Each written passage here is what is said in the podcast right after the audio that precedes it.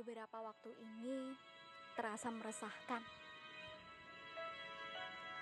Mencoba memahami isi kepala, rasanya menjadi kantor sibuk sedunia.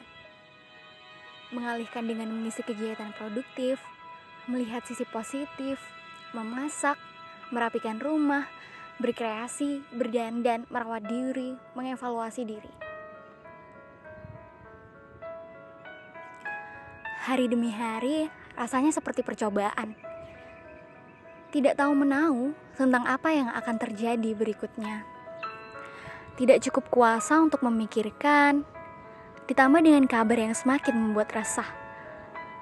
Penyakit, kemanusiaan, peraturan-peraturan.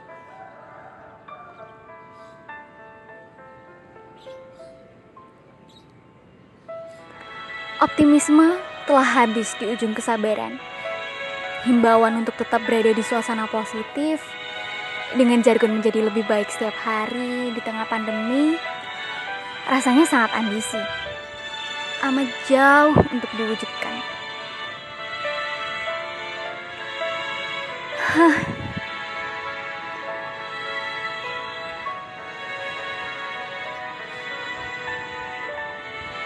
Esok tidak harus lebih baik lebih terasa melegakan dan manusiawi. Bertahan seakan menjadi satu-satunya hal yang paling mungkin dan masuk akal dilakukan. Sambil merapal doa di setiap hela nafas, semoga semua lekas pulih.